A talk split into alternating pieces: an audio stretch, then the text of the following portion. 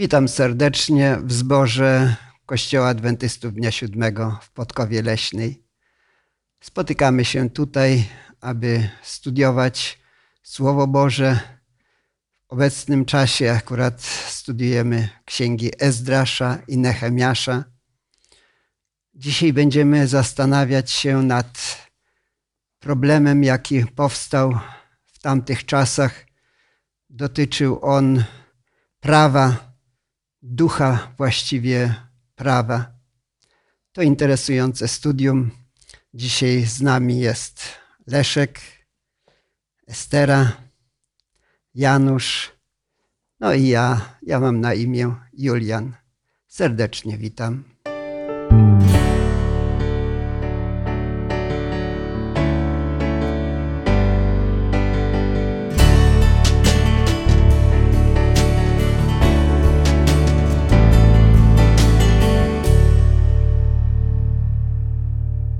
Każde nasze studium zaczynamy od modlitwy, dlatego że to Duch Święty natchnął pisarzy, ale potrzeba nam również działania Ducha Świętego, żebyśmy zrozumieli właściwie to Pismo Święte, które zostało nam przekazane. Poproszę do modlitwy Esterkę. Ojcze Niebieski, kochany, z całego serca dziękuję Tobie za to kolejne studium, w jakim możemy brać udział. Błogosław nas, błogosław wszystkich, którzy będą nas słuchać, ale prosimy, Duchu Święty, abyś prowadził nas podczas tego studium, kierował naszymi myślami, naszą mową, żebyśmy zrobili wszystko ku chwale Twojej i ku lepszemu zrozumieniu tych, którzy nas będą słuchać i dla nas też, żeby to było błogosławieństwo w imieniu Pana Jezusa. Amen. Amen. Przeczytajmy na początku pierwsze pięć wersetów z księgi Nehemiasza. Tu mamy zarysowany problem, nad którym zechcemy się pochylić. Księga Nehemiasza, piąty rozdział od pierwszego do piątego wersetu.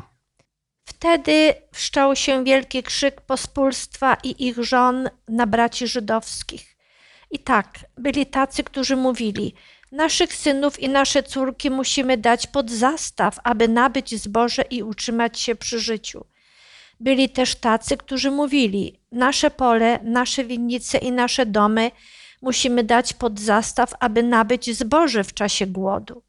Byli wreszcie tacy, którzy mówili: Pożyczyliśmy pieniędzy na opłacenie podatku królowi, zabezpieczając je naszymi polami i naszymi winnicami.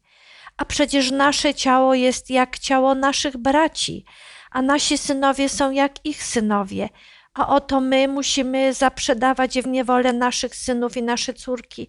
I niektóre z naszych córek już są zaprzedane, a my nie mamy w naszym ręku na to sposobu, gdyż nasze pola i nasze winnice należą do innych. Mhm. Dziękuję. Ten rozdział zaczyna się od słowa wtedy. No właśnie, kiedy to było? Pamiętamy, że pierwsze wyjście y, z niewoli y, w czasach perskich to już było, mówimy z niewoli babilońskiej, było w 536 roku. Nehemiasz e, przyszedł w 444 roku.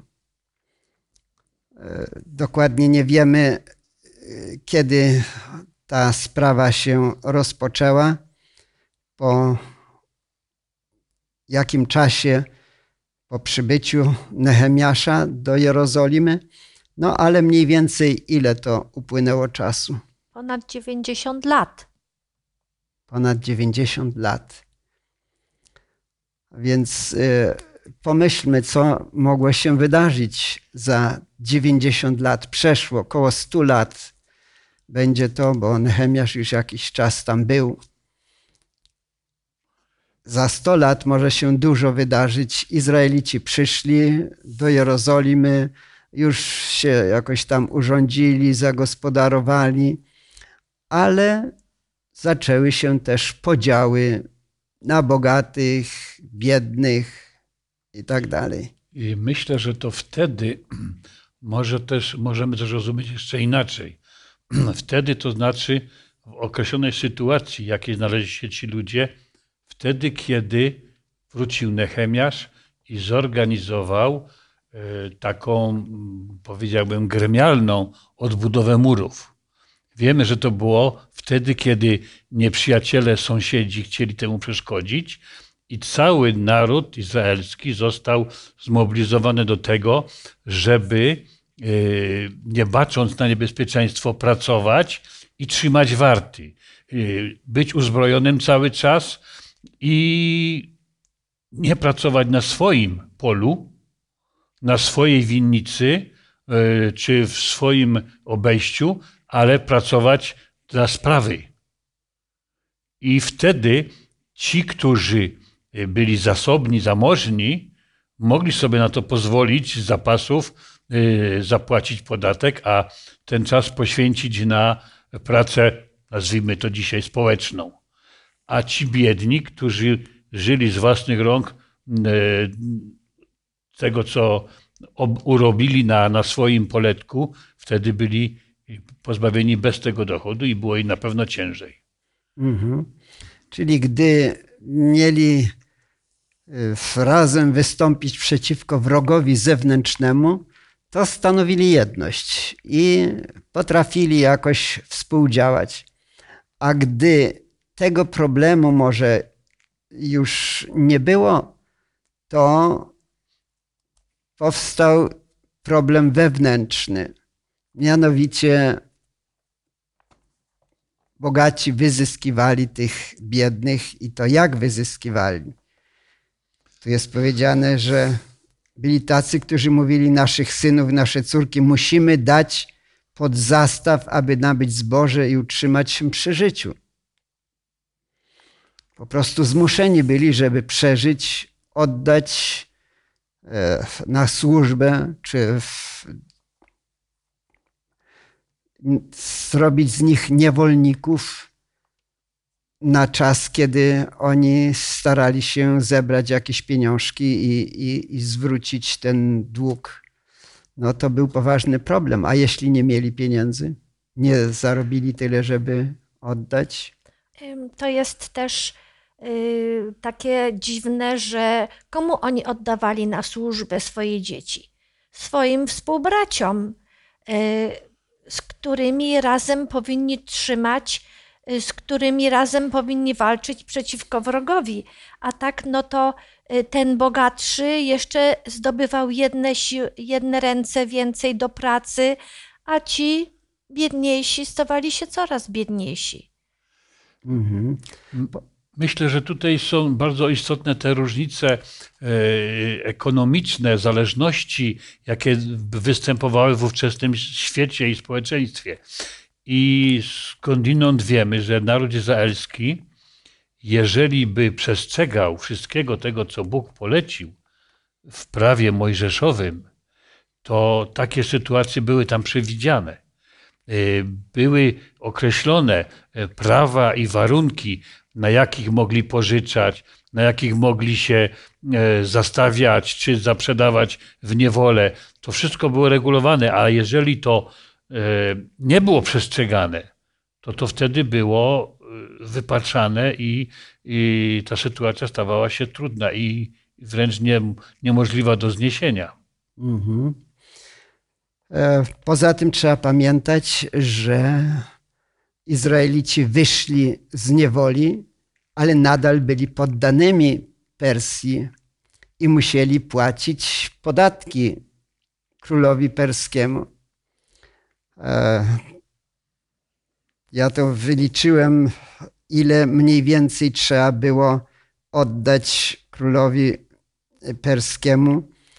Mieli oddać 350 talentów srebra a jeśli jeden talent ma, bo to różnie było, od 34 do 40 kilogramów, to gdybyśmy przyjęli 34 kilogramy, to wyjdzie nam że rocznie musieli dać 11,5 tony srebra. A przecież to nie był wielki naród. Wyszło ich 50 tysięcy ludzi, później jeszcze tam z 5 tysięcy, 55 tysięcy, no niechby tam rozmnożyli się trochę, nawet gdyby ich było 100 tysięcy, ale oddać 30, e, przepraszam, 11,5 tony srebra każdego roku, to oni naprawdę byli obciążeni. W tej sytuacji my na pewno nie potrafimy sobie dzisiaj wyobrazić, jakiego rzędu to były obciążenia i skąd brali to srebro, jakie mieli dochody. Y, Z drugiej strony wiemy, że król Salomon miał kopalnie srebra czy złota. Gdzieś tam mogły jeszcze one też być, prawda? Nie wiadomo w czyjej były, w czyim były władaniu, administrowaniu, ale e, jaki król był, czy to był król perski, czy babiloński, czy był to król izraelski, to i tak podatki mu trzeba było płacić. Zawsze. A byli tacy królowie i izraelscy nawet, którzy nie wiem, czy nie więcej jeszcze wymagali od nich niż teraz król perski. I, I to się stawało powodem do różnych buntów, rozłamów i, i, i niepokojów w narodzie. Mhm. Ja się zastanawiam, czy obciążenia były równo podzielone wśród e, społeczeństwa izraelskiego. Czy ci, co mieli więcej, płacili więcej, czy ci, co mieli mniej, to płacili mniej e, tego podatku? Jak to było Mhm. e, zorganizowane? Bo w jakim sposób ci bogaci w- robili się jeszcze bardziej bogaci, a ci, ci biedni, a w zasadzie kiedyś powiedzmy e, ludzie, którzy też byli w jakiś sposób majętni, bo posiadali ziemię, uprawiali ją i tak dalej. E, Czytamy, że e, to, że musieli, że nie mieli z czego zapłacić tych podatków, wynikało zazwyczaj z tego, że na przykład były gorsze zbiory, zebrali mniej, nie, nie mieli e, w, wtedy na to, żeby zapłacić podatki, żeby się utrzymać. Mhm. My wiemy też z księgi e, Ageusza i Zachariasza, że Bóg wstrzymał swoje błogosławieństwo. Przyszły susze, dlatego że Izraelici nie byli wierni Bogu. Budowali swoje domy, nie dbali o świątynię, nie odbudowywali e, murów i tak dalej, więc e, to też przyczyniło się do problemów e, w Izraelu. Okazuje się, że zawsze te problemy moralne przekładają się na problemy ekonomiczne. I to tak było dawniej i tak jest dzisiaj. Tam, gdzie jest moralność, uczciwość, tam ludziom się wiedzie lepiej. Tam, gdzie nie przestrzega się tego Bożych wskazań, tam jest zawsze też problem ekonomiczny. Ale my dzisiaj zastanawiamy się też nad tym, czy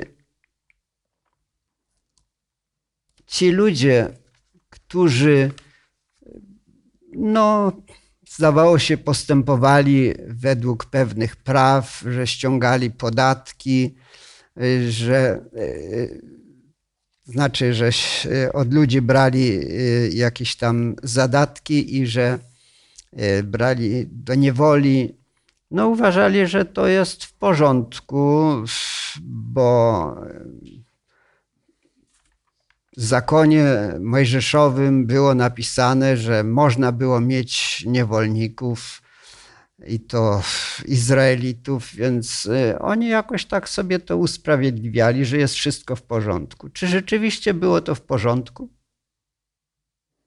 Że mieli, patrzmy teraz od tej strony, że ci bogacze mieli tych niewolników. Oni uważali, że są w porządku. No cóż, zadłużył się, to jego sprawa, nie? No jak popatrzymy na to tak z takiego punktu społecznego typowo, to czasem dla niektórych ludzi być może było korzystniej być niewolnikiem, mieć dach nad głową, mieć pracę, mieć utrzymanie, i, i, niż zostać na ulicy o głodzie i chłodzie. Tak jak dzisiaj niektórzy lądują, prawda? I też e, e, trudno to nazwać niewolnictwem, ale, ale taki człowiek, który jest e, pozbawiony wszystkiego, to czasem jest gorszej sytuacji niż niewolnik. Oczywiście to było różne, różne to miało oblicza.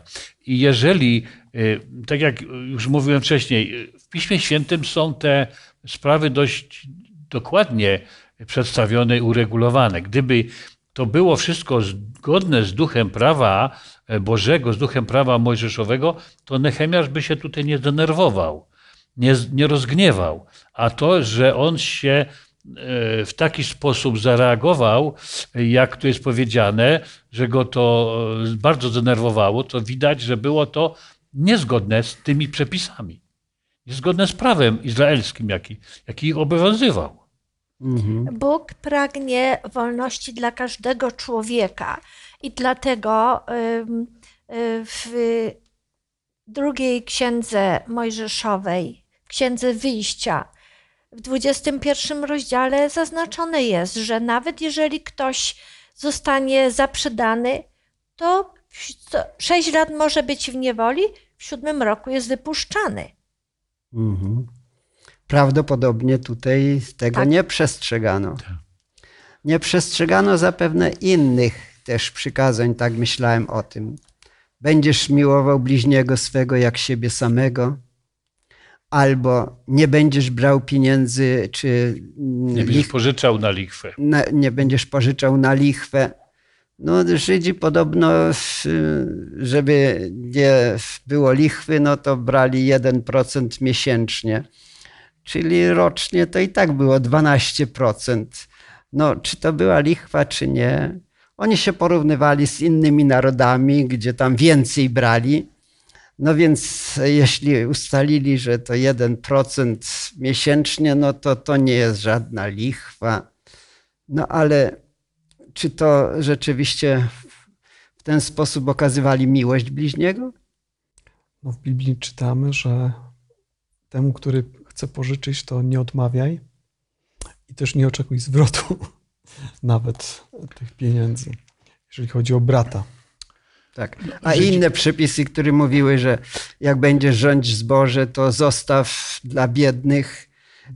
Jak wejdzie ktoś do twojego ogrodu, niech się naje dosyta, e, tylko niech nie bierze tam e, za pazuchę gdzieś i tak dalej. No to było po to wszystko, żeby jakoś pomóc biednym. Janusz, chciałeś coś powiedzieć? Tak, ja chciałem powiedzieć to, że Żydzi yy, jak dobrych okresach, w takich, gdzie yy, czuli się Żydami i przestrzegali prawa, to stosowali to prawo wobec swoich współziomków. Od, odbijali sobie to na innych, prawda? Na obcych, yy, prawda? Na, na innych narodach. I stąd dobrze się czuli w różnych miejscach na świecie, gdzie było wielu klientów takich, których można było wyzyskiwać, e, bo to nie byli ich ziomkowie, ich bracia. Mhm. Przeczytajmy dziesiąty werset e, piątego rozdziału. Ja sam razem z moimi braćmi i sługami pożyczałem innym pieniądze i zboże. Zechciejmy wszyscy darować długi, które u nas zaciągnięto. A w Biblii Warszawskiej jest tak napisane – Również ja, moi bracia i moi słudzy mamy u nich wierzytelność w pieniądzach i w zbożu, lecz my ją im odpiszemy. Nehemiasz chciał być przykładem dla innych, dlatego że Nehemiasz miał serce do ludzi i to oto się rozbijała cała sprawa. Może przeczytamy w takim razie jeszcze jeden bardzo ważny werset z księgi Micheasza, szósty rozdział, wiersz ósmy. Oznajmiono ci człowiecze, co jest dobre i czego Pan żąda od ciebie, tylko abyś wypełniał prawo i okazywał miłość bratnią i w pokorze obcował ze swoim Bogiem. Bardzo krótko to ujął Michasz, czego tak naprawdę oczekuje Bóg od człowieka. Przestrzeganie prawa, ale z drugiej strony miłości bliźniego. Co tutaj zawiodło? No. Przestrzegali prawa? Ani prawa nie przestrzegali. Zależy jakiego. Ani nie okazywali miłości bratniej, bo to prawo, które Bóg dał, y, właśnie miało y, uwypuklić tą miłość, i to współczucie dla swoich braci. No właśnie, to jest problem, że ci bogatsi uważali, że oni są w porządku, że oni przestrzegają prawa. Chociażby ten 1%, no, że niewolników mają, no przecież e, Mojżesz mówił, że można mieć niewolnika i tak sobie usprawiedliwiali różne rzeczy. Ale w gruncie rzeczy to ani nie przestrzegali prawa Bożego, ani nie miłowali tych bliźnich swoich. Prawdopodobnie y, ta sprawa była już przedawniona i ona była bardzo długo zaniedbywana. Y, nie zostały te osoby, które były w niewoli, nie, nie zostały wypuszczane. Mhm. A jak coś długo jest praktykowane, to się wydaje, że to tak ma być, nie? Taka kultura. No, tak się często tłumaczy. No dobrze. I jak zareagował na to Nehemiasz? W tym tekście, który czytaliśmy, Nehemiasz y, zdał sobie sprawę z tego, że nawet to, sam, co sam robił, nie jest dobre i pierwszy daje, mm, daje przykład, jakby y, stawia pierwszy krok, że y, odpisujemy, przebaczamy, darujemy te długi, prawda? I swoją postawą, swoim przykładem jakby zachęca innych. Mhm. Najpierw jest powiedziane, zbeształem przedniejszych i naczelników tymi słowy, ciężkie brzemię nakładać się jeden na drugiego. A później jeszcze coś więcej zrobił. Powiedział, niedobrze jest. E, zwołał więc e, lud i wezwał kapłanów. I wiersz dwunasty mówi, a oni odpowiedzieli: wróci, zwrócimy i nie będziemy się ich od nich domagali. Czyli pod pewną presją taką e, ci bogaci powiedzieli: No dobrze, to darujemy te pożyczki wszystkie. Może warto byłoby zwrócić uwagę na argumentację, jakiej użył Nehemiasz. Otóż zwrócił uwagę tym bogatym ludziom, którzy E, gnębili tych swoich współbraci i nawet sprzedawa, chcieli sprzedawać ich gdzieś tam e, na zewnątrz e, innym tych swoich sług, że przecież wielu braci oni wykupywali z niewoli, żeby oni mogli wrócić do ojczyzny i mogli razem z nimi budować świątynię i, i mury miasta i tak dalej. Mhm. A teraz się ich sprzedaje. To jaki był sens wykupywania wcześniej? Mhm. No i kiedy ci powiedzieli, że dobrze, darujemy im te wszystkie długi, to co następne Nehemiasz zrobił? Bardzo to ciekawe. Może ja przeczytam ten wiersz 13. 13 wiersz. Poza tym wycząsnąłem zanadrze moje szaty, mówiąc: Tak niech wycząśnie Bóg każdego męża, który nie dotrzyma tego słowa z jego domu i z jego włości. Niech tak będzie wycząśnięty i próżny. A całe zgromadzenie odpowiedziało: Niech się tak stanie. I chwalili Pana, a lud postąpił zgodnie z, tymi, z tym słowem. E, ja chciałbym jeszcze dodać wcześniej coś do tej mojej wcześniejszej wypowiedzi, a która jest przed tym, co o czym ty teraz powiedziałaś. Otóż Nehemiasz tu poza tą argumentacją, że wcześniej wykupywali swoich braci, zwraca uwagę na to, że ja przeczytam sobie właśnie e, ten werset dziewiąty z piątej księgi e, Nehemiasza. Piątej księgi. z piątego rozdziału księgi Nehemiasza. A ja dalej mówiłem, niedobre jest to, co chcecie uczynić. Czyż nie powinniście żyć raczej w bojaźni Bożej, żeby uniknąć tych wszystkich oberg ze strony pogan, naszych wrogów. Czy to jest wszystko wypowiedziane w kontekście właśnie sprzedaży braci, e, ich współplemieńców, którzy stali się ich niewolnikami? Że jak to teraz inne narody patrząc na to, co oni robili wcześniej, że na, najpierw od nich wykupywali, a teraz im z powrotem sprzedają, to jak oni będą patrzeć na ich Boga, co się wydarzyło, że tutaj tak wspaniale wraca, wracają do swojej ojczyzny, odbudowują świątynię, ten kult Boga Jahwe, który został e, też jak gdyby narzucony innym przez królów perskich w tym rejonie. Jest, zostali zobligowani też do czczenia Jahwe. Oni No. też sami prosili, żeby przysłano im kapłanów Boga Jahwe, żeby mogli poznać e, te zasady religii tej ziemi. My również mamy sąsiadów, którzy nas bacznie obserwują i dokładnie y, wiedzą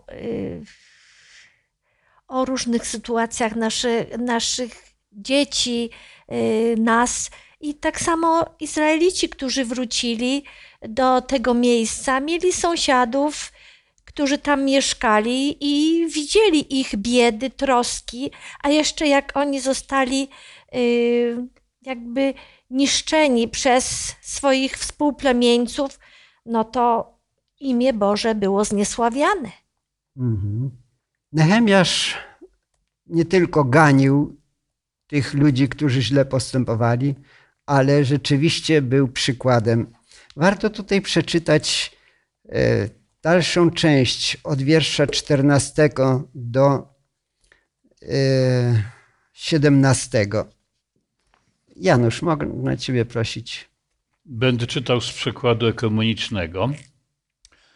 Ponadto od chwili powołania mnie na namiestnika w ziemi Judy, od 20 do 32 roku panowania króla Artaxerxesa przez 12 lat, ani ja sam, ani moi bracia nie korzystaliśmy z przysługującego namiestnikowi uposażenia. Poprzedni namiestnicy, którzy byli przede mną, obciążali lud i pobierali od nich chleb i wino, a ponadto 40 cykli srebra. Podobnie też tyranizowali lud ich słudzy. Lecz ja z bojaźni Bożej tak nie postępowałem. Przyłożyłem się również do pracy przy tym murze, ale pola nie zakupiliśmy. Wszyscy też moi słudzy gromadnie przystąpili do tej pracy. Do mojego stołu przychodzą zarówno Judejczycy, 150 urzędników, jak i ci ludzie spośród narodów, którzy byli w naszym otoczeniu.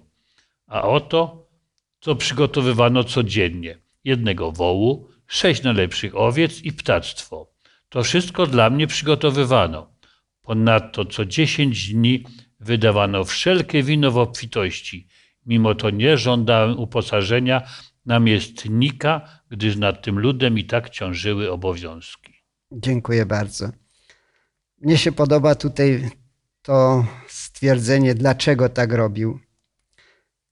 Z bojaźni przed Bogiem. Tu widać, że ludzie, którzy naprawdę są wierzący, boją się Boga, to nie tak bardzo szukają prawa, żeby jakoś się bronić, tylko szukają sposobu, jak pomagać innym. Myślę, że Nehemiasz y, zdawał sobie jasno i wyraźnie sprawę z celu, jaki miał. On miał cel jeden: odbudować Jerozolimę, odbudować stolicę swojej ojczyzny. Nie po to tam przyjechał, żeby się wzbogacić przy okazji, bo mógłby. Jako namiestnik należało mu się, mógłby czerpać z tego profity, jak wielu to robiło, a wręcz odwrotnie jemu na jego potrzeby wystarczało. On zdawał sobie z tego sprawę, że to, co ma i to, do czego wróci, gdy wykona swoje zadanie, zupełnie mu wystarczy dla niego i dla jego domu. Teraz wszystkie siły i wszystkie możliwości, a także wszystkie środki w tym kierunku zużywał, żeby to zadanie wykonać. E, Warto zwrócić uwagę na jeszcze jeden powód, dla którego Nehemiasz postępował tak, a nie inaczej. I tutaj czytamy w jego wypowiedzi, że robił to również ze względu na to, że wiedział, jak dużym obciążeniem jest e, dla całego społeczeństwa, dla ludzi, budowa murów, odbudowa Jerozolimy. Ja myślę, że ci bogacze też wiedzieli, jakim to obciążeniem jest, ale jedna rzecz to wiedzieć, a druga rzecz to rzeczywiście miłować bliźniego i żyć w takiej, jak tu jest powiedziane, bojaźni Bożej. Ale jeżeli jakiś przywódca ma jakiś cel i chce coś osiągnąć, to on musi to zrobić wszystko, musi dać siebie wszystko i musi dać y, własny przykład. Nie można tylko wydawać rozkazy, że mają pracować pilnie, a samemu się obijać czy leżeć w tym momencie. Jak y, przywódca pokaże, że można to zrobić, że sam się do tego rękę przyłoży, to wszyscy inni pracownicy, słudzy, jakkolwiek ich nazwiemy, y, inaczej się do tego przykładają, inne zaangażowanie wykazują. Mhm. No tu jest powiedziane, że on też pracował przy murach. Tak. Podoba mi się natomiast y, to, co jest powiedziane o ludziach, którzy korzystali z jego stołu. Wiersz 17 mówi: A chociaż z mojego stołu korzystało 150 mężów, Żydów i naczelników oraz ci, którzy przybywali do nas spośród okolicznych pogan. Różne delegacje. Więc y, zachowywał się nie tak jak na przykład Egipcjanie, że nie chcieli z y, Izraelitami jeść przy jednym stole, bo oni byli kimś tam. Nehemiasz był kimś, był namiestnikiem, podczaszym był w Persji, a on również tych okolicznych narodów, pogan, przyjmował do stołu, razem z nimi jadał. I to jest prawdziwa chrześcijańska postawa, albo bym powiedział, takich ludzi chciał mieć Bóg. Ale, ale nieprawdziwa żydowska chyba, tak? Bo jak znamy historii Żydów, chociażby z czasów Jezusa, to jednak trochę inaczej to patrzyli, prawda? Nie chcieli wejść pod dach poganina. No przecież. To jest tak, jak się odchodzi od prawa Bożego, a swoje się ustanawia. Zawsze widzę to, że gdy trzymamy się Bożych wskazań, to wtedy jest dobrze. A jak tylko swoje jakieś wprowadzimy, to zawsze to będzie tragedia, klęska. Może jeszcze raz właśnie powiem, że tu bardzo pasuje jeszcze raz przy, przytoczyć ten werset z Micheasza 6:8. Oznajmiono ci człowiecze, co jest dobre i czego Pan żąda od ciebie, tylko abyś wypełniał prawo, okazywał miłość bratnią i w pokorze obcował ze swoim Bogiem. Bo y, Nehemiasz, mimo że mógł nosa zadzierać, on był podczaszym królewskim, on jadał dobre rzeczy tam, kiedy był na dworze króla, ale tutaj był człowiekiem pokornym, który umiał się zachować, umiał zaprosić, powiedzieć coś dobrego i zrobić. Mhm. Jakie praktyczne lekcje tak ogólnie byśmy wyciągnęli jeszcze dla siebie na nasz czas? Przydałby się w naszych czasach taki Nehemiasz, y, który by wyzwolił lud od długów. W dzisiejszych czasach mało jest takich, którzy nie mają długów, zobowiązań, kredytów, wszystkich innych. To normalni niewolnicy przecież. Także to myślę, że jest y, bardzo nam bliskie i zrozumiałe. A trudno powiedzieć, jaki sposób z tego można się wyzwolić, ale y, przy pomocy Bożej jest to możliwe, prawda? Jeżeli y, w narodzie izraelskim y, w późniejszych wiekach ta solidarność narodowa, myślę, że to, co zapoczątkował Nehemiasz, rozwijała się później. Żydzi y, do dzisiaj są z tego znani, że wewnątrz swojej wspólnoty, społeczności, narodu bardzo są e, związani, zgrani i, i, i zżyci i pomagają sobie, prawda? Moglibyśmy się pewnie od nich jeszcze wiele uczyć. I jako chrześcijanie, chrześcijanie tych czasów końcowych, kiedy przed nami jest e, nie mniejsze wyzwanie niż odbudowa Jerozolimy, bo zakończenie głoszenia dzieła Bożego, taki zryw byłby konieczny i, potrzebny. Mhm. A my w zborze, byśmy powiedzieli, wewnątrz ludu Bożego, możemy wyjść w jakiś sposób e, z pomocną dłonią wobec słabszych, biedniejszych. Jeżeli widzimy, że brat, siostra są w potrzebie, to działamy i pomagamy. Powinniśmy. Nie Powinni- poprzestawać tylko na życzeniach, Tak. na dobrym słowie, ale i czyny powinny być. Tak, Mhm. działamy dlatego powiedziałam. Tak. Ja myślę też o tym, że y, Nehemiasz dużo robił. No i cóż, y, nie czytamy, że oczekiwał pochwał od ludu albo że ktoś może mu coś powiedział przykrego. On był przywódcą, wierzył Boga i niezależnie od tego, co tam może ktoś powiedział czy nie powiedział, on robił to, czego Bóg od niego oczekiwał, miłował ludzi. I to jest taki przykład dla nas. Każdy z nas może być, czy jest w jakimś sensie tam odpowiedzialny za brata swojego. I może potrzeba mu dobrego słowa, może czegoś innego, ale powinniśmy żyć nie tylko dla siebie. Nieszczęściem ludzkości jest egoizm. No a na końcu mamy taką wypowiedź z e, Nehemiasza. Zachowaj mój Boże w pamięci ku mojemu dobru wszystko, co uczyniłem dla tego ludu.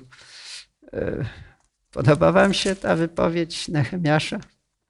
Myślał y, tymi kategoriami. Myślę, że on znał dobrze y, Boga i wiedział, że Bóg jest miłosierny i że własnymi zasługami to my niewiele zrobimy, ale mimo wszystko y, powiedział Bogu: Pamiętaj, Boże, że ja się trudziłem dla dobra tego ludu. No dobrze, wszystko jedno, jak odbierzemy tę ostatnią wypowiedź. Jedno jest. Zawsze można się bardziej trudzić, można by tak powiedzieć, prawda? Mhm. Ale drugi powie, e, po co ja mam się trudzić? Bóg, Bóg mi i tak przebaczy. No tak. Mhm. Czyli mogę żyć sobie i Także tu leżeć. są, to jest, to jest bardzo względne, ale Bóg jedyny wie, zna nasze, nasze intencje i nasze serce. I tak samo jak zna serce i intencje Nehemiasza.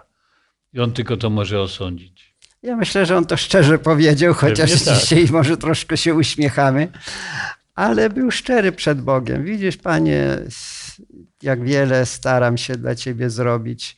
Pamiętaj też o mnie. Taka jakby modlitwa do Boga. Z drugiej strony, ja wiem, że też jeśli coś dobrego czynimy, to Bóg nam to wynagradza. Możemy tego się spodziewać. Podoba mi się jeszcze werset, który tutaj jest przytoczony z listu do Filipian. Niechaj każdy baczy nie tylko na to, co jego, lecz i na to, co cudze. Jezus jest dla nas przykładem. Tak jest. Takiego bądź względem siebie usposobienia, jakie było w Chrystusie Jezusie. A jeżeli to jest mój brat, to nie jest cudze, to jest moja rodzina. Prawda? To tym bardziej trzeba na to mieć baczenie. No więc jest to wspaniały przykład. Tak można postępować i tacy byli ludzie. I nie patrzmy też, jak ktoś robi, tam cały naród źle postępował. Nehemiasz szedł właściwą drogą i niech on będzie dla nas wzorem, przykładem, żebyśmy tak postępowali. Uczyli się tego i patrzyli na tych, którzy dobrze postępują, nie na tych, którzy źle robią, bo będziemy zawsze się usprawiedliwiać, że jestem lepszy może od kogoś tam innego, ale patrzmy na tych, którzy lepiej postępują od nas. Zakończymy modlitwą. Leszku, proszę Ciebie. Panie nasz i Ojcze, który jesteś w niebie, Ty dałeś nam wspaniałe prawa, przedstawiłeś, jak należy postępować z naszymi bliźnimi, naszymi braćmi, aby wszystko to, co możemy na tej ziemi uczynić, do czego zostaliśmy powołani, tak jak wtedy Izraelici do, w tamtym czasie do budowy świątyni, później do odbudowy murów Jerozolimy, tak my jesteśmy powołani do tego, by świadczyć o Tobie, by głosić tą Ewangelię. I możemy to czynić najlepiej wtedy, kiedy będziemy traktować siebie z należytym szacunkiem, tak jak to Bóg nakazał, abyśmy miłowali naszych braci, naszych siostry. W Twoje ręce się więc polecamy, daj nam rozumieć prawa, które dałeś, aby były w naszych sercach i abyśmy mogli je wyżywać każdego dnia. Z otwarcie, z radością. W Twoje ręce się polecamy, obdarz nas swoim duchem. W imieniu Jezusa Chrystusa o to proszę. Amen. Amen. Amen. Serdecznie zapraszam na kolejne studium Pisma Świętego. Będziemy kontynuować czytanie ksiąg Ezdrasza, Nehemiasza. Jest tam wiele głębokich nauk. Idziemy się więc za tydzień i życzymy sobie Bożego błogosławieństwa.